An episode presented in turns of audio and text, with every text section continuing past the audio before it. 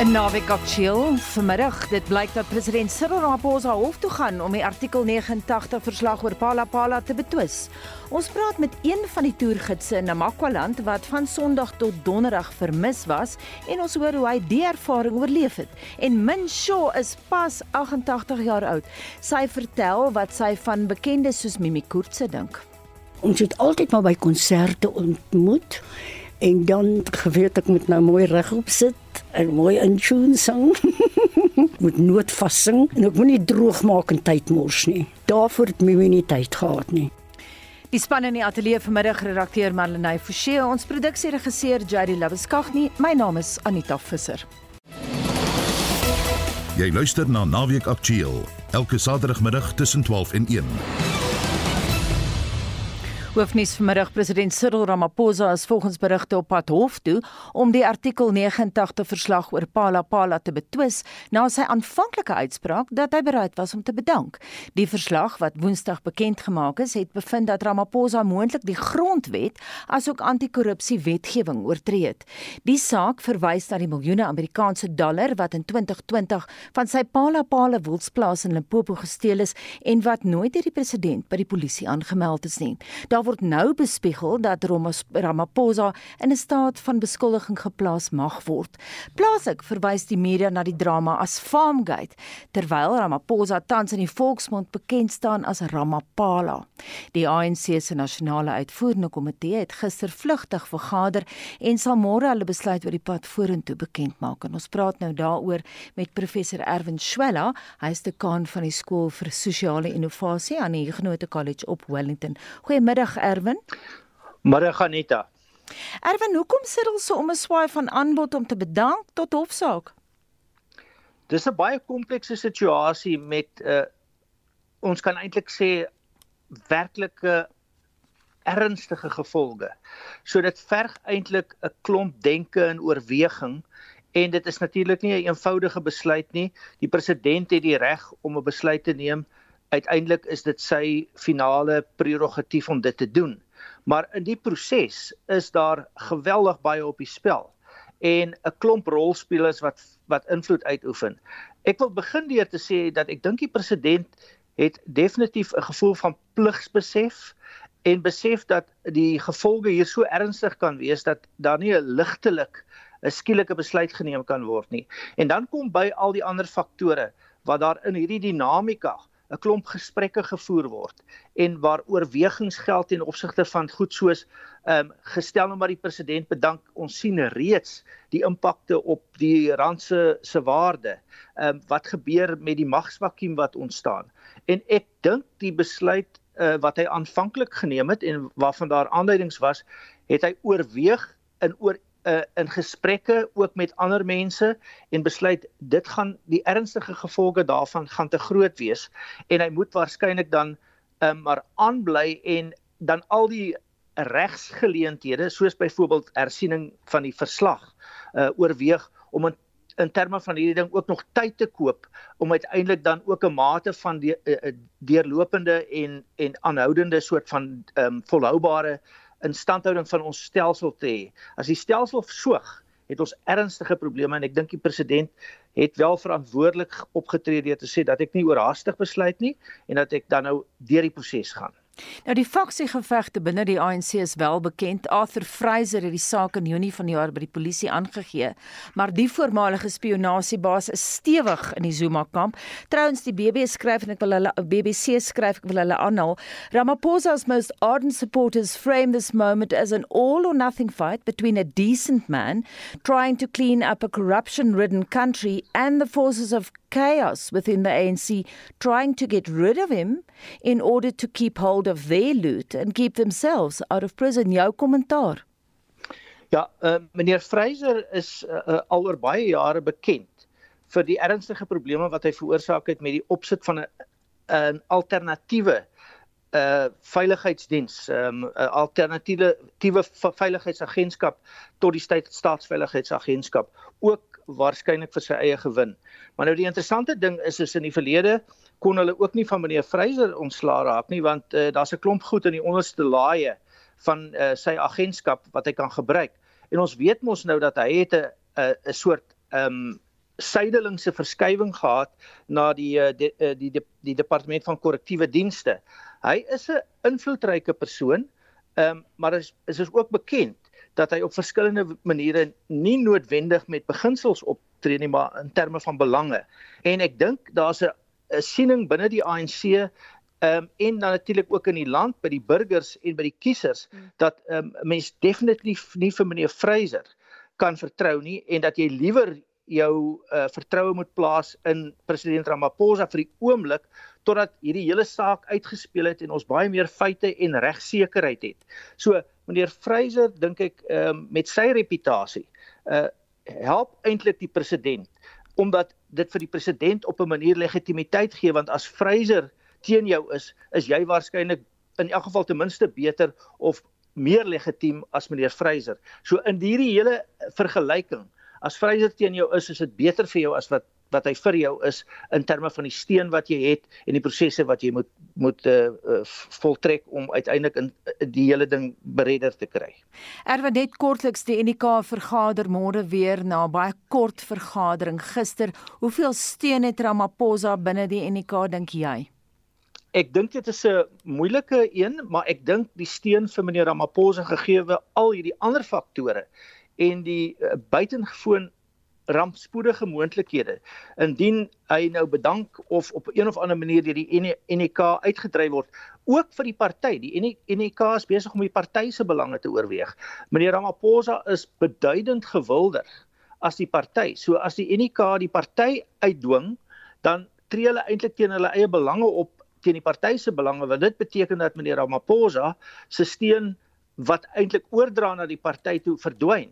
So ehm um, die die die NK was op 'n op 'n mespunt gebalanseer, maar as gevolg van hierdie belange argumente, nie noodwendig beginsels nie, wat die party se belange bevorder, ehm um, mag dit wees dat hulle nou hom in elk geval gaan ondersteun om ten minste hierdie verslag op hersiening te neem.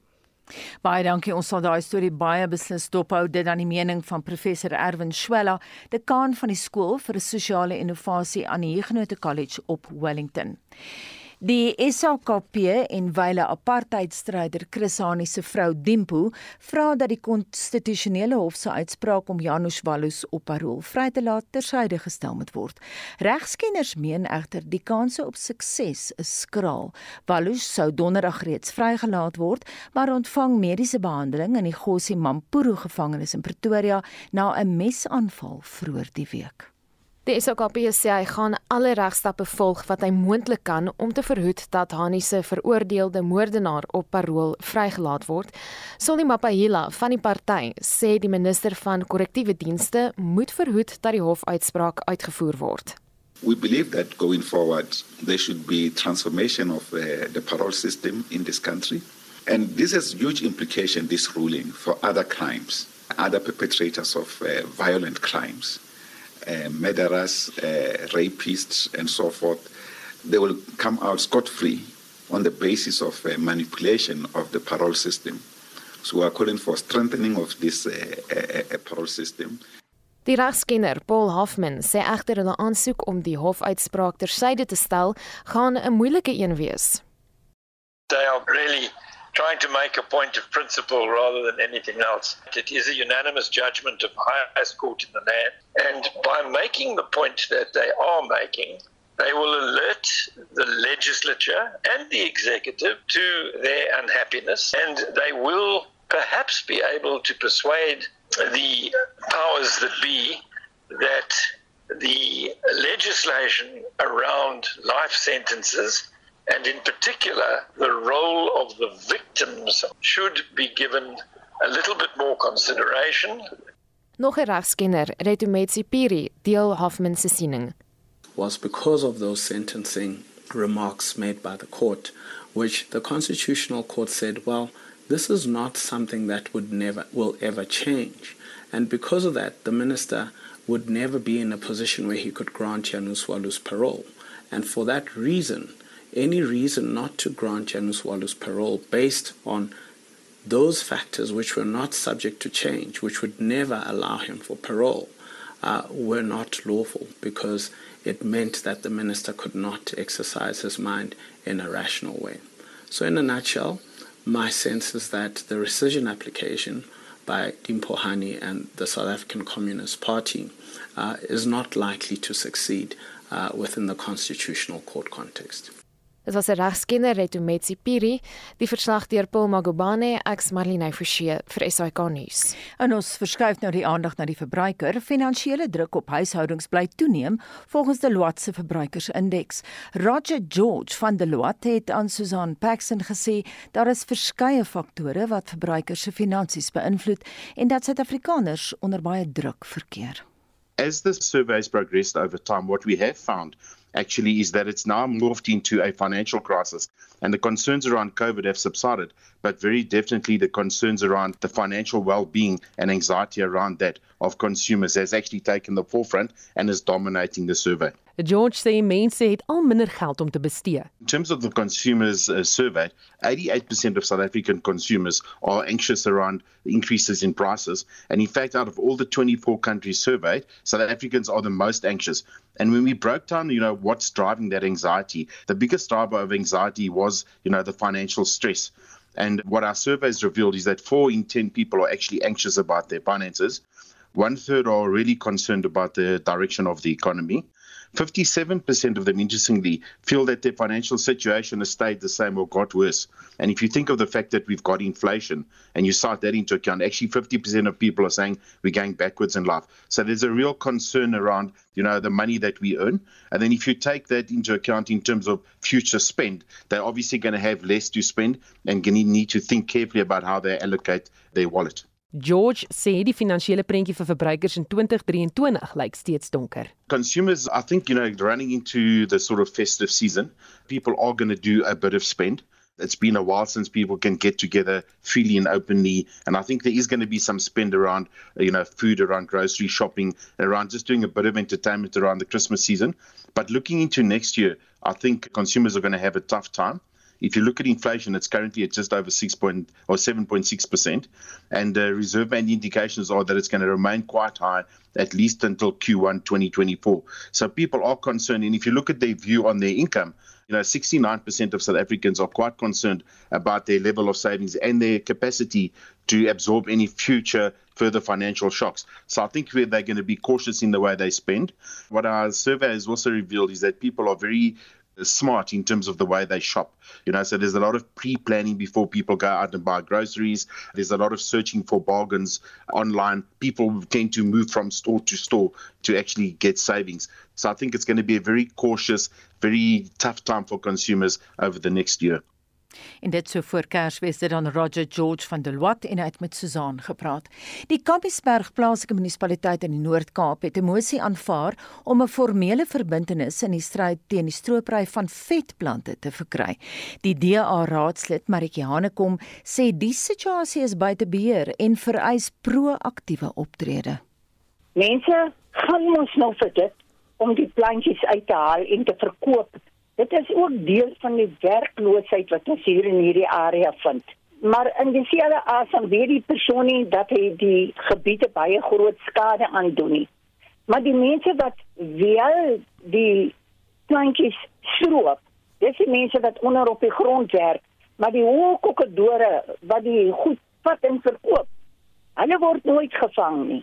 Watse plantjies spesifiek word gestroop en waarom? Kyk, die plante is meeste vetplante soos byvoorbeeld die bababoutjies en verskillende soorte klein alwentjies. Hier is natuurlik seker nou van ons reptiele wat ook daaronder deurgeloop het. Die plantjies wat in aanvraag is is natuurlik die plantjies wat gestroop raak.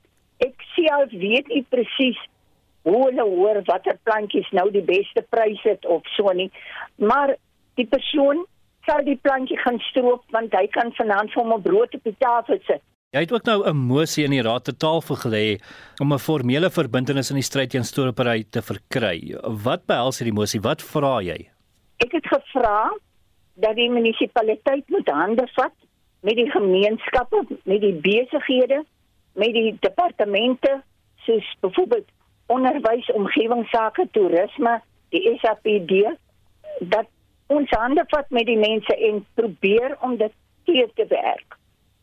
Ek het ons miskien sê soos patrollies met hou padblokkades. Dis die plek waar 'n mens die maklikste die plantjies in die hande kry is maar by die padblokkades en dan ook deur as jy nou die bewusmaking het en ander mense sien nou die bure het nou hulle sien ongewenste plante daarvan om dit te rapporteer aan die verskillende stakeholders wat ons nou saam met ons die ding doen.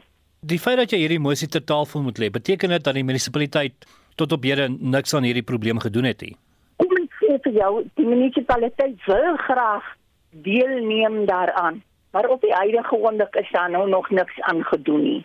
Die probleem is elke departement doen die ding op sy eie. Die polisie is op sy eie, omgewingsake is op sy eie, toerisme is op sy eie want as ons net hoor, dan hoor as die polisie iemand gevang of as hoor natuurbewaring het iemand gevang. So met ander woorde, niemand werk saam aan die probleem nie. En dis wat ons wil hê, ons wil hê almal moet saamwerk aan die een probleem. So hoe is hierdie mosie ontvang in die raad? Is mense te vind daarvoor? Ja, hulle was baie te vind daarvoor vir al die iemand vir my gesê hy sou baie baie graag wil sien dat die munisipaliteit en die raadslede daarbey regtig betrokke moet raak. Wat ons raadslede natuurlik nou doen om vir bewusmaking op die oomblik waarin ons mos nou maar uh, ons ding doen is om by die gemeenskapsvergaderings wat ons hou in die gemeenskappe dit bekend te maak vir hulle te vra om asseblief op die uitkyk te wees vir enige sulke plante wat hulle opmerk en dit dan aan die munisipaliteit te rapporteer. Maar op die huidige oomblik het daar nou nog niks gerapporteer nie want u weet mos nou as my buurman plantjies het dan is dit mos nou 'n risiko amper wil ek sê as jy vir hom verklaar want môre weet jy nie wat die teken op jou gaan wees nie. Also dis aanvaar maar hoe lank voor daar regtig planne in plek is om om hierdie probleem aan te spreek? Die raad het mos nou afgesluit en dan maak die munisipaliteite mos nou bietjie vir die feesseisoen toe dat ons vroeg in Januarie sommer al by ons eerste raadsvergadering gaan ek weer 'n skrywerig en vra dat ons moet asseblief die ding ernstig opneem. Ek sê as kan nou nie vir jou tyd gee nie, maar ek reken ons kan Januarie maand met dit afskop. En so beloof Marika Hanekom sy se DA raadslid in die Kamiesberg plaaslike munisipaliteit en sy het met Justin Kennedy gepraat. Twee toergidse van die Namakwa 4x4 ekoroete wat sedert Sondag vermis was, is veilig tuis. Ambrosius Pretorius, beter bekend as Oom Braddies, en Sarel Waterboer het vermis geraak toe hulle saam met 'n kollega die vloedskade van die Oranje rivier wou bepaal. Die twee het koers gekry terwyl hulle kollega na 'n papband omgesien het en kon nie hulle pad terugvind nie. Nou Oom Braddies het donderdagoggend te voet nogal op Steenkop aangekom waarna 'n reddingsspan na Sarel Waterboer gaan soek het en hy is donderdag aand ge, uh, gevind en ons praat nou met oom Braddies. Goeiemiddag en welkom tuis. Goeiemôre, goeiemôre. Uh, ja, Anita. Ek hoop as Anita. Dit is Anita oom Braddies. Jy was van Sondag tot Donderdag okay. vermis. Is 'n lang tyd. Waar het jy geslaap? Het jy rantsoene gehad? Wat het jy geëet? Nee, Anita, ek wil jou kan sê ons het niks kons geëet het nie, want daar is niks. Ons het uh waarvan ons vertrek het van die bakkie af waar die papband was, het ons 10 uur vier langs net op die water gelewe wat hy maandag, die sonderdag aand maandag, heeldag. En dan toe het ons besluit om bietjie uit te kom van die rivier se kant af want dit is baie moeilik teen die rivier omdat die waterhoogte op die vloed het is baie hoog so hy loop teen die berge so jy moet nou maar krans ook klim om dan nou uh, oor te kom en dan weer 'n ander syde waar dit oper is teen die rivier te kan loop.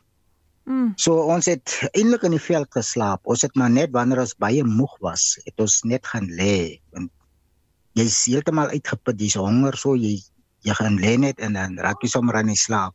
Ons het eens omgegee vir die wilde diere en goedie. Mm. Want die die die moegheid dit se tol geëis uit en dan slaap jy maar nou en aanreg môre net weer jou reis voortsit. Oom Braddies, ek kan dink jy is eh, met oop arms ontvang op Steenkop. Wat het die mense gesê toe jy nou daar aankom? Uh net wat ek kan verstaan is toe ek daar aankom, het hulle reeds kennis geneem van van ons wat weg is. So ek het by die bekende ou pyn ons werk gedurig met hom saam Hy's goed bekend. Hy was ook 'n ambulansdrywer. Uh toe hy vir my sien, toe hy onmiddellik na my toe gekom en gesê ons die mense is op soek na ons en is nou goed dat dit daar uitgekom het sodat ek aan die spanne lei waar om die ander persoon te gaan soek. So hulle was hulle was baie bly geweest om my daar te sien. En dit was baie ver van waar jy oorspronklik verdwaal het, net Steenkop, soos wat ek verstaan, is 35 km van Springbok. Yes. En dis ver van waar jy oorspronklik yes. vermis geraak het of hoe so in Braddies? Ja, dit is dit is ver, is omtrent dieselfde kilos. Uh ek dink hy seker ook 30 30 iets in die 30 in van daar waar ek vanaf gestap het na Steenkop toe. Sê fyn was jy ooit bevrees dat jy sou sterf? Uh die vrees het opgekom Anita veral omdat ons nie water het nie en die son was geweldig warm. Hmm. Ons het die gedagte gekry ons ken daarom so 'n paar skills om onder die koelte te bly deur gedurende die dag wanneer die hitte so veel is. Dan het ons onder die klip klippe gelê in hy koelte. Klippe hou mos hy koelte baie lank die mm. nag se koelte. Dan het ons daar vir die dag gepertoef tot dit aand geword of tot die wind begin waai. Dan in daai tyd van hy wind se koelte het ons begin beweeg en aangestap. Maar ons was baie baie swak geweest, maar ons het oorleef, dankie. maar julle was ook of jy was deel van die reddingsspan wat toe na Sarel gaan soek het.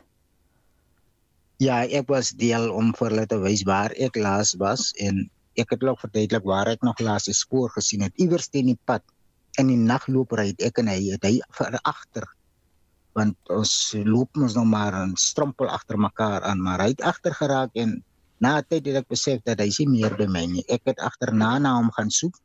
Dit ek ondervind hy hy het 'n ander kloof 'n rigting ingeslaan hmm. in 'n ander kloof in. En dit was toe die die next dag uh na die as nou die woensdag aan wat hy weggeraak het ook. Ek is nog net bietjie uit net. Ek dink is hmm. dinsdag aan woensdag mm. het ek na hom gaan soek.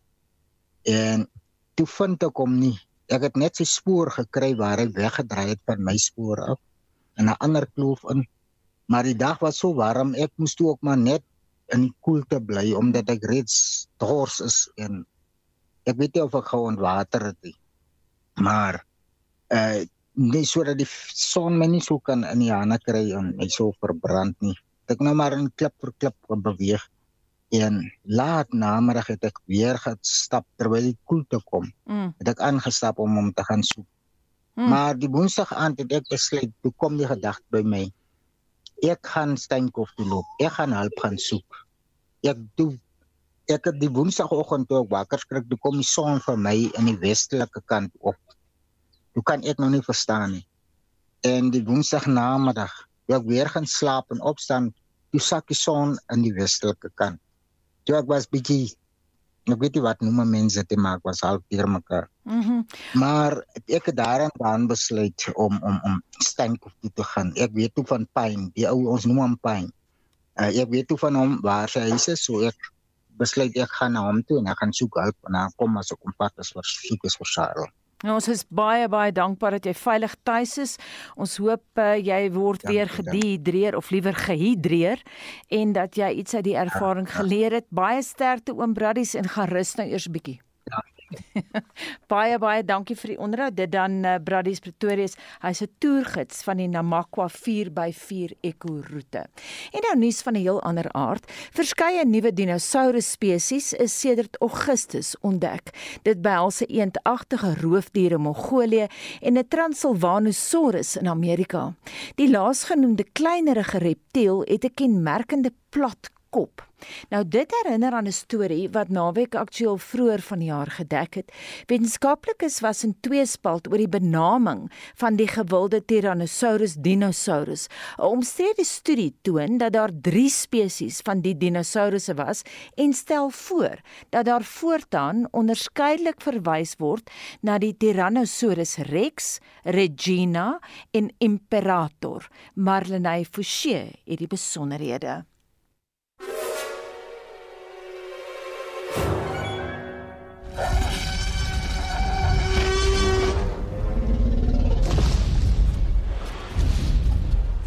Vir jare lank is die magtige Tyrannosaurus Rex nou reeds die gewildste en vreesaanjaende dinosaurus in rolprente.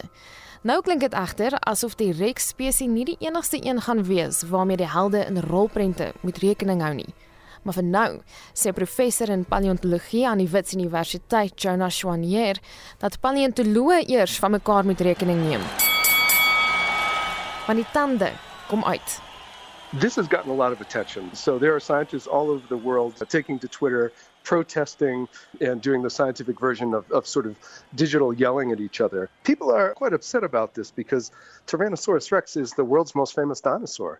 And we've thought for more than 100 years now that all T Rex specimens could be assigned to one species. And this new paper puts forward the idea that actually we've been wrong this whole time.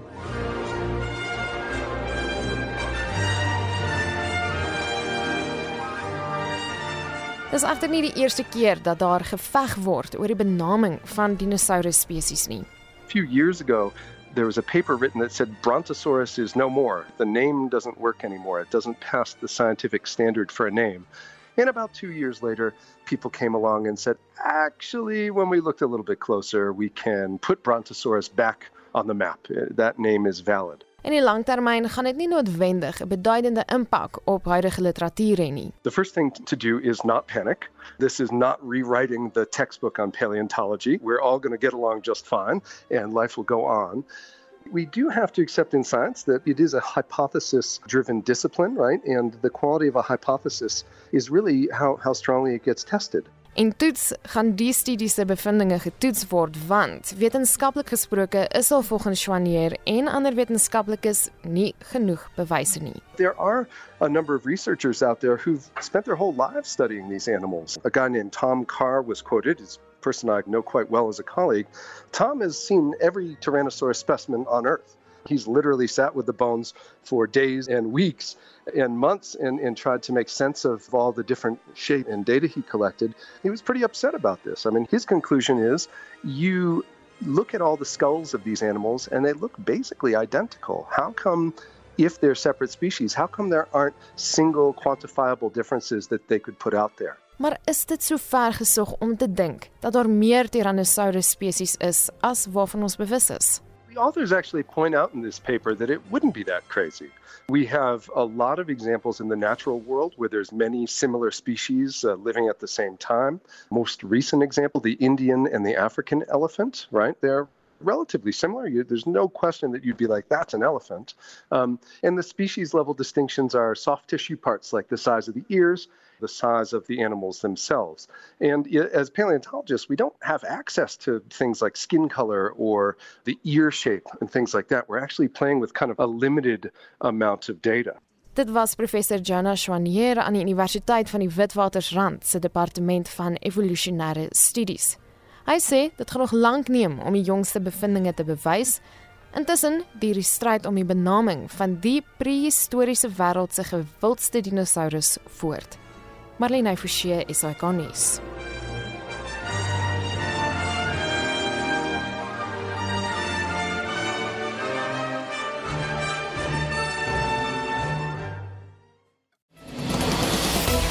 Jy luister na Naweek Aktueel elke Saterdagmiddag tussen 12 en 1.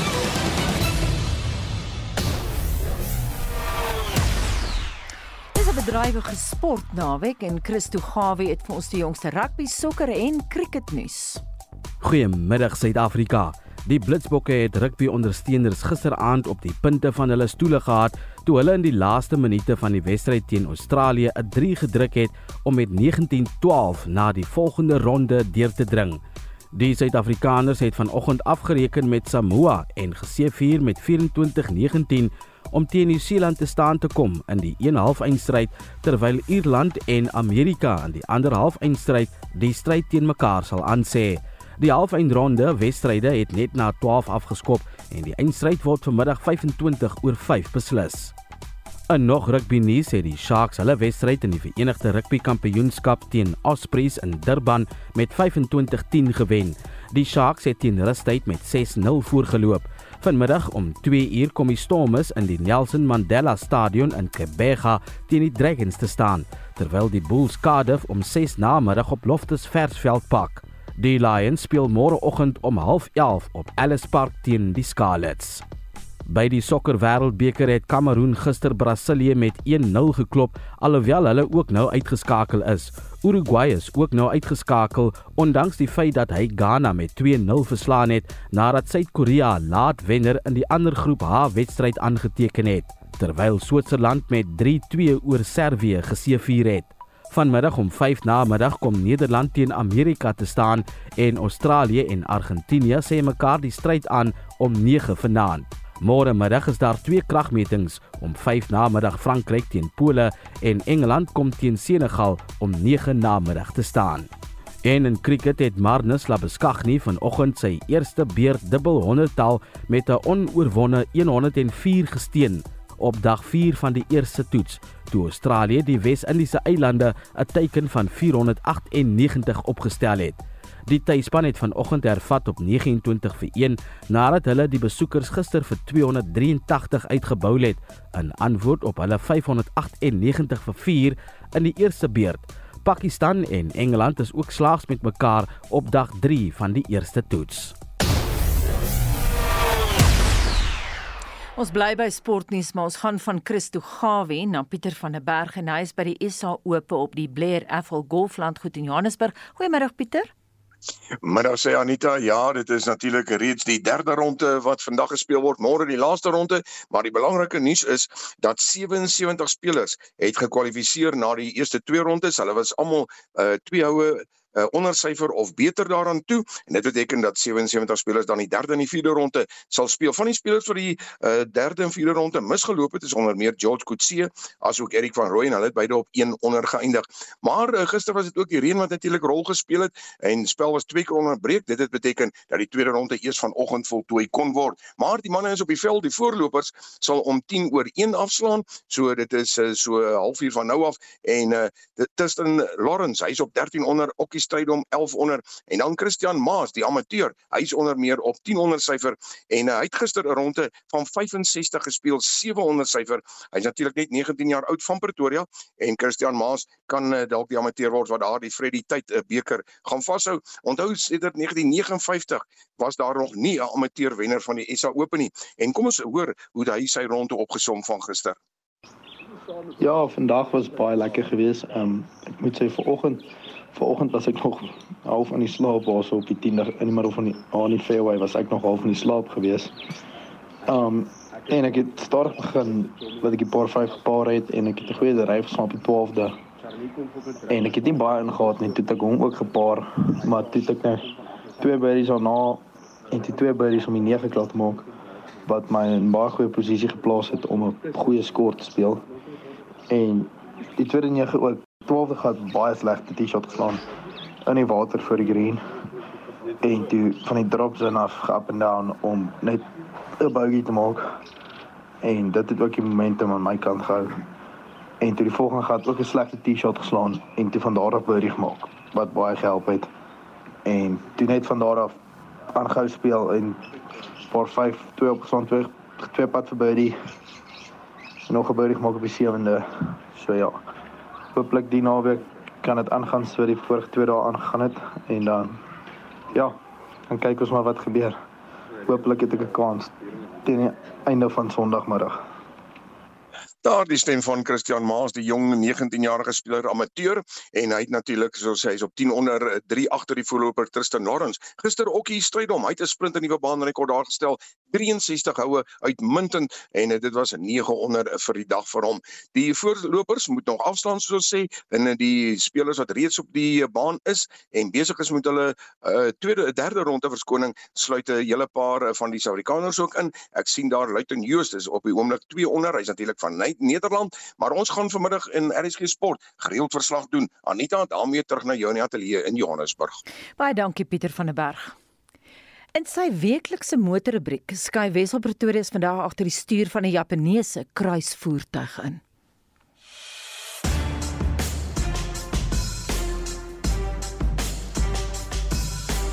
Plaaslike voertuigverkoop het verlede maand weer goed vertoon net meer as 49400 nuwe voertuie is verkoop, 18,2% beter as November verlede jaar. Die Toyota Hilux was weer die topverkoper, gevolg deur die Toyota Corolla Cross en die Ford Ranger. Mazda se CX-30 kruisvoertuig pas grootegewys tussen twee ou bekendes, die CX-3 en CX-5. 'n Baie aantreklike wa, die CX-30 van uit elke hoek moderne en mooi lyne. Ek het die Carbon Edition model gery, gebaseer op die Dynamic middelvlak model.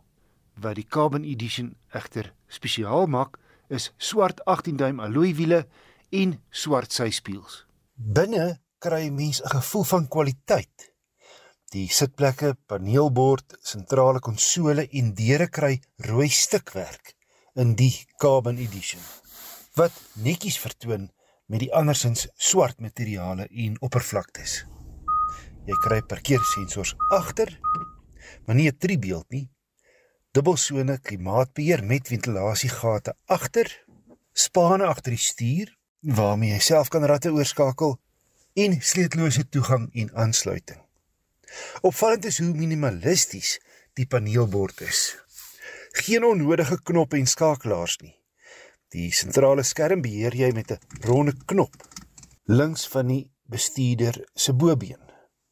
Android Auto en Apple CarPlay, stemherkenning, Bluetooth en klankstroming is deel van die pakket. Al moontlike negatiewe in die andersins baie aangename binneruim is dat beenspasie agter redelik knap is vir 'n voertuig wat 4,4 meter meet. Agter 'n lang ou soos myself agter die stuur pas net 'n laerskoolkind agter my in. Ook het die CX30 se moderne daklyn wat skuinsloop na agter 'n impak op langer agterstensittendes se hoofspasie. Ander kenmerke in die Mazda sluit in togbeheer, outomatiese xenonligte en reënveers, sewe ligsakke en traksiebeheer. Die 121 kW 2 liter petrol gekoppel aan 'n 6-spoed outomaties lewer billike kraglewering deur die voorwiele, maar omdat 'n nie aangejaagde masjien sowat 17% krag hier in die dunner hoëveldse lug verloor en nie die lae eenheidspoed wrinkrag van 'n turbo het nie, word die toere opgejaag wanneer jy entoesiasties met die versneller te werk gaan en dan raak die masjien nogal lawaaierig. Pad en windgeraas word egter tot die minimum beperk en hantering en padgedrag is heel goed. My gevolgtrekking Mazda CX-30 Carbon Edition is 'n baie aantreklike kruisvoertuig met 'n lieflike binneruim en billik toegerus. Maar teen R532200 is die CX30 net te naby aan die uitstekende CX5 geprys. Die CX5 Active met dieselfde aandrywing teen dieselfde prys is 'n aansienlik meer ruim en praktiese wa. Indien jy nie kinders het nie of dalk net kleinkinders, kan die meer stylvolle CX30 sin maak. En daarmee saam Mazda se reputasie van goeie betroubaarheid en naverkoopediens. Joernaliste oorgebruik die woord ikoon, maar in Min Shaw se geval is dit heel gepas. Min het verlede naweek 88 jaar oud geword en kan terugkyk op 'n loopbaan wat vir haar 3 SARI toekenninge, 2 goue plate en 'n dubbel platinum plaat besorg het. Behalwe vir 'n ATKV verering in 1996, is sy ook in Januarie 2020 ingehuldig as 'n lewende legende in die Suid-Afrikaanse Legendes Museum. Slegs 19 ander bekendes is al so vereer. Nou uh, sy het naweek aktueel uh, sy ateljee kom besoek. Kom ons luister gou na 'n onderhoud wat Koos van der Merwe met haar gevoer het. Ek onthou hoe ek as ou vetpens dogtertjie voor die spieël gestaan het en dat ek altyd so vir myself gesing en so ver in die toekoms gekyk en dat ek so gedink, ooh, ek gaan eendag vir mense sing. En dit was net iets, ek het geweet dis iets wat hier sou ontkiem in myself en wat ek eendag uit kon bring. O ja. Mm. Dit was al die sang gewees van die begin af. Ek kan onthou van dit ek gebore is. Ek het geslaap een aand, ek was maar so 2 en 'n half jaar oud. My mamma het uitgegaan en het my wakker gemaak die aand en gesê uh, word wakker, word wakker, staan nou mooi reg op en dan sing jy vir die oom en die tannie. En ek kan onthou ek sing my hele lewe nog. Hoe voel jy om na jouself te luister, man? Ek probeer presies dink aan daai aand want dit was 'n 2 uur onderhoud, nê? Nee. Ja. Mag ek daarom goeie naam sê aan die luisteraars? Hallo. Vir die jonges sê ek maar how's it? Want ek is nou nie meer daai prim en proper tannie van 40 jaar gelede nie. Nou moet ek jou vra, jy sê jy is nie meer daai prim en proper tannie van destyds nie. Wat is jy vandag? Hoe is jy? Ek is lekker with it. Ek het saam met die tye beweeg want ek het altyd 'n plan en ek het 'n doel in my lewe om inspraak te hê in ander mense se lewens en hulle te inspireer na 'n beter môre. Ek het nou opgelees en sien jy was op hoër meisieskool help mekaar in Johannesburg. Ek het nooit besef jy en Mimi Koortse was hmm. saam op skool en jy was saam 7 toe sy matriek, is ek reg? Dis reg. Ek het my altyd vir Mimi geadmireer as ek al gesien het. Het sy met haar ma gaan so na die trams. Hoe kan jy jy kan seker nie die trams onthou nie. Those were definitely the days. Maar sy was so sy was eintlik my mentor. Sê vir my, het jy kontak met Mimi? Sy het nooit 'n persoonlike ek het nie was in haar huis of iets van die aard nie. Ons het altyd maar by konserte ontmoet en dan geweet ek moet nou mooi regop sit en mooi in tune sing. moet nooit vassing en ek moenie droog maak en tyd mors nie. Daarvoor het my nie tyd gehad nie. So ek het getrou gebly aan wie ek was. Mhm. Mm jy het in so, restaurante min in Johannesburg en Benoni gesing. Dit het nie altyd jou pa se goedkeuring weggedra nie. En hier is weer 'n greep uit 'n onderhoud wat jy in 1980 met Koos van der Merwe gevoer het. Ek onthou my pa toe ek nou die dag na hom toe gaan sê pappa ek wil graag dit was nie 'n nagklub nie. Ek wou net by 'n plek gaan optree, dis sê my pa vir my: "Nee, dis nie 'n plek waar 'n boeremeisie hoort nie." Maar my pa wou nooit werklik vir my laat gaan het nie, want hy was bang omdat 'n mens so blootgestel word aan die werklikheid. En dit is 'n baie onheilige beroep wat dit ook beskou gewees daai jare. Ja, daai ja. O, nou nog. O ja, ja, nou nog. Jy weet as 'n mensie vierkantig op jou twee voete bly staan nie, dan kan hierdie vermaaklikheidswêreld vir jou onderste bo skop hoe jy weet waar jy is. Ja. Dis waar die vermaaklikheidswêreld kan vir jou lelik skop. Ja, dit hang net af wat jy van plan is om te doen met jou lewe. Ek wou van kleins af sangeres geword het. Ek het altyd die plate opgesit, die 78s. En dan sing ek saam met die plate en ek is voor die spieël en dis te lekker. En dit was my lewe. Dis die mees natuurlikste ding vir my om op 'n verhoog te staan. Nou jy het in 1961 het jy LM Radio se talentkompetisie gewen. Jy's toe Londen toe. Wie het jou gehelp om jou eerste plaat te sny? Peter Lotus, hy het byvoorbeeld toe ek in Benoni gesing het, het spesiaal hy die ouens kom spesiaal om na jou te luister. Ons klaar te sing, I like your singing, I like your songs but you're singing one semitone. Luister nou mooi. One semitone too high. Lower your voice. Mhm. Mm so dis nie 'n hele noot wat ek moes afkom nie. Dit was net so wat was dit? Crochet. Ek het nou vergeet. Dis reg. en nie wat het dit gewerk. kom ons eh, min, kom ons kyk 'n bietjie na die rolprente. Toe daar was 'n uh, eh, fliek maak maar in die 60er jare was dit 'n perd van 'n ander kleur, soos wat jy ook aan Koos van der Merwe vertel het. Kom ons luister gou. Ek onthou dit ons juist my liefling gemaak het. Toe was ons in die middel van ons het nog die daai een klein bobbejantjie gehad. Toe was ons in die middel van die skiet van hierdie rolprent. En toe het Chris Barnard in 19 was dit nou 68 nee 67, 67. die jaar oorgeplant. En toe is al die vol manne, die kameraman, hulle is almal af Kaap toe. En die rolprent is net daar laat staan. Die skiet van die rolprent, mense hare het intussen tyd die kleure het verander en alles. En toe na 'n paar maande het ons weer aangegaan daarmee.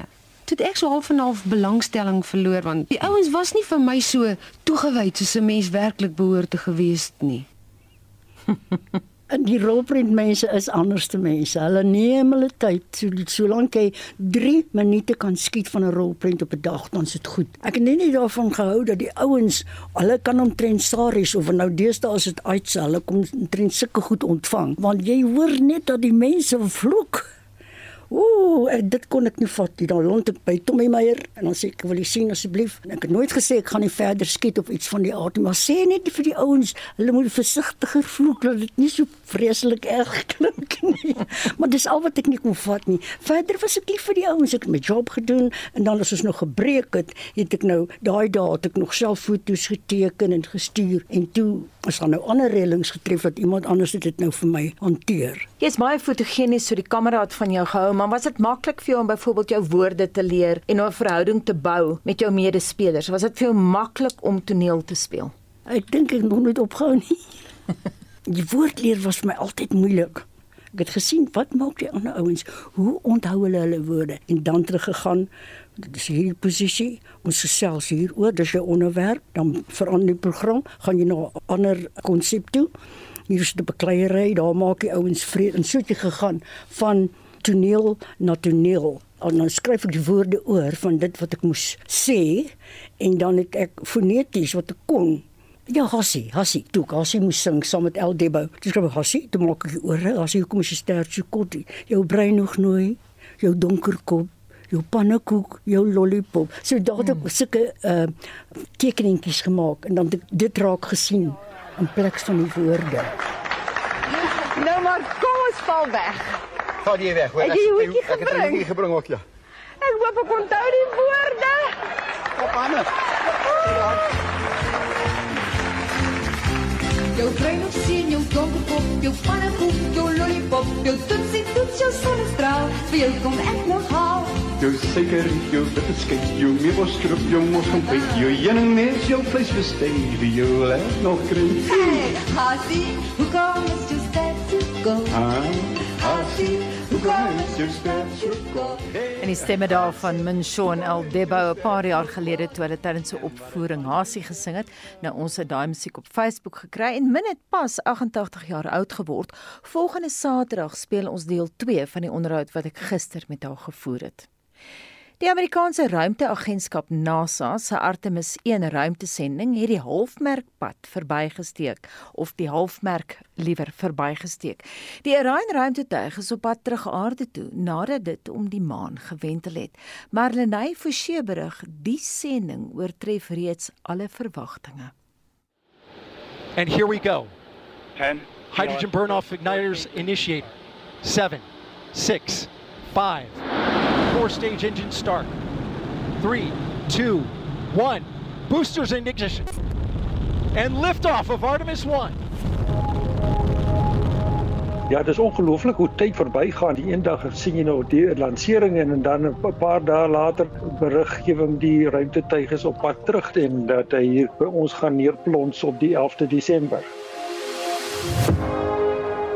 So sê Pieter Kotse, buitengewone professor verbonde aan die Noordwes Universiteit se sentrum vir ruimtenavorsing. Die sending sonder bemanning is gedoen om ou en nuwe tegnologie te toets. Mens wonder altyd hoe word daar in die ruimte genavigeer, maar op die einde van die dag is dit basies eintlik dieselfde beginsels as wat die ou seevaders gebruik het, naamlik om sternavigasie te doen. So hulle het 'n gevorderde sterkamera aan boord gehad wat nou toetse gedoen het om te kan navigeer in die ruimte. Die oppervlak van die maan was ook onder die vergrootglas. Die ruimtetuig het ook 10 CubeSats vrygelaat wat ook in wentelbane om die maan was wat kartering gedoen het van die oppervlakte van die maan veral met die oog op die uitwys van ys want die volgende sendinge vir 'n permanente stasie op die maan sal afhang van hoeveel water daar teenwoordig is en hulle het veral gekonsentreer op die Shackleton krater waar hulle beplan om 'n permanente stasie te vestig waar mense op 'n permanente basis gaan bly. Kotse sê Orion het tydens sy omwenteling van die maan die hemelliggaam se gravitasieveld gebruik om te beweeg. Daarom het die ruimtetuig Orion in 'n teenoorgestelde rigting beweeg as wat die maan om die aarde beweeg. En dan wanneer dit terugkom, is hierdie vier pile vir 1 minuut en 18 sekondes aangeskakel net om dit in 'n regte rigting te kry. Anders sou dit in 'n skiewe rigting miskien weggedryf het. Maar dit is nog nie verby nie. Die laaste toets lê nog voor. Aan boord van hierdie ruimtetuig is 'n gevorderde hitteskil want wanneer die aarde se atmosfeer binne gaan beweeg hy teen 'n spoed van ongeveer 40000 km per uur en dan styg die temperatuur as gevolg van die weerstand met die atmosfeer tot in die omgewing van 2800 grade Celsius. So hierdie nuwe hitteskild wat ontwerp is, moet nou nog onderwerp word aan toetse wat hierdie ruimtetuig suksesvol die atmosfeer gaan inbring. Hy sê die Artemis projek wat sowat 90 miljard Amerikaanse dollar beloop, word befonds deur tussen 2 en 3000 maatskappye landwyd, 'n groot ekonomiese inspuiting. Suid-Afrika se rol op die speelveld is egter nie te versmaai nie.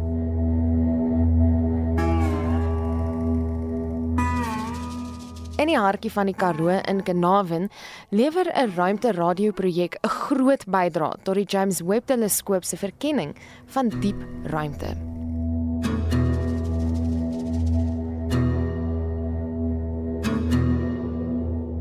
In diese opsig is die Meerkat teleskoop op Carnarvon van essensiële waarde wat dan vir ons meer samehangende prentjie kan gee van hoe die heelal ontstaan het, die ontwikkeling daarvan en waar ons vandag staan.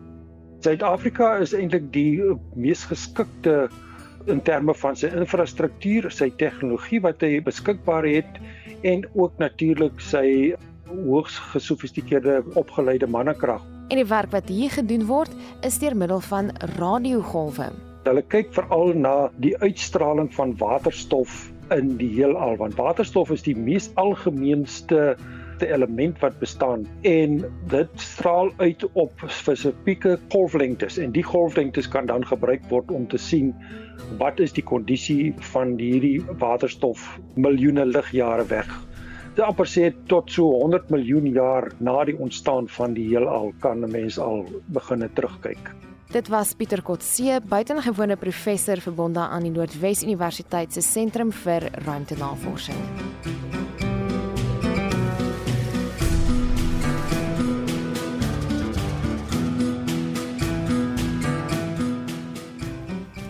Monitor en Spectrum saai maandag regstreeks uit vanaf die bekendstelling van die SKA-MIT teleskoop ofterwel die Meerkat by Kanavan in die Noord-Kaap. Nou die uitsending sal vir eerste keer ooit sonder die hulp van digitale toerusting op die lug gaan. En kollega Susan Paxton is by my om vir ons te vertel van die uitsending. Hoe gaan dit tegnies werk? Ja Anita, ek sit hier met sulke groot oë nadat ek, ek wakker geskrik het met my oud uh, alarm wat ek gestel het. ons mag geen digitale toerusting vat nie, so geen horlosies nie, geen selfone mag aanwees nie, niks digitaal nie. Alle toerusting moes getoets geword het sodat ons kan kyk dat dit nie radiofrekwensie uitstraal nie, want daardie teleskope tel dit op en as hulle dit optel dan uh, het hulle so 'n noodknoppie wat afgaan en dan skakel hulle al daai uh, teleskope af vir so 'n paar weke. so ons wil nie RSG met teleskope breek nie.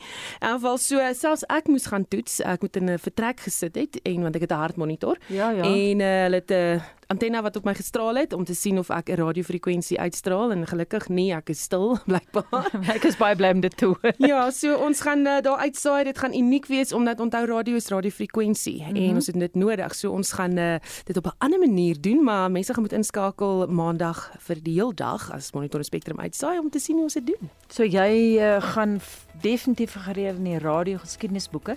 So julle die span is Madeleine, dis jy, dis Udo, John Jean en Danny Boysen. Danny Boysen gaan daai klankknoppies druk en geskiedenis maak. Nou ja, groot pret. Ek gaan monitor aanbied hierdie week wat kom Dinsdag, Woensdag en Donderdag, maar ons gaan beslis dophou wat julle daar aanvang en sterkte liewe Susan met daai wekker. Hoop ek kry hom reg. wat in julle ore gaan afgaan. En uh, laaste woord vandag aan Susan Paxton, mede-aanbieder van Spectrum ons groet namens ons uitvoerende regisseur Nicoline de Wee. Die vrou in die warm stoel vandag was Marlene Forsie.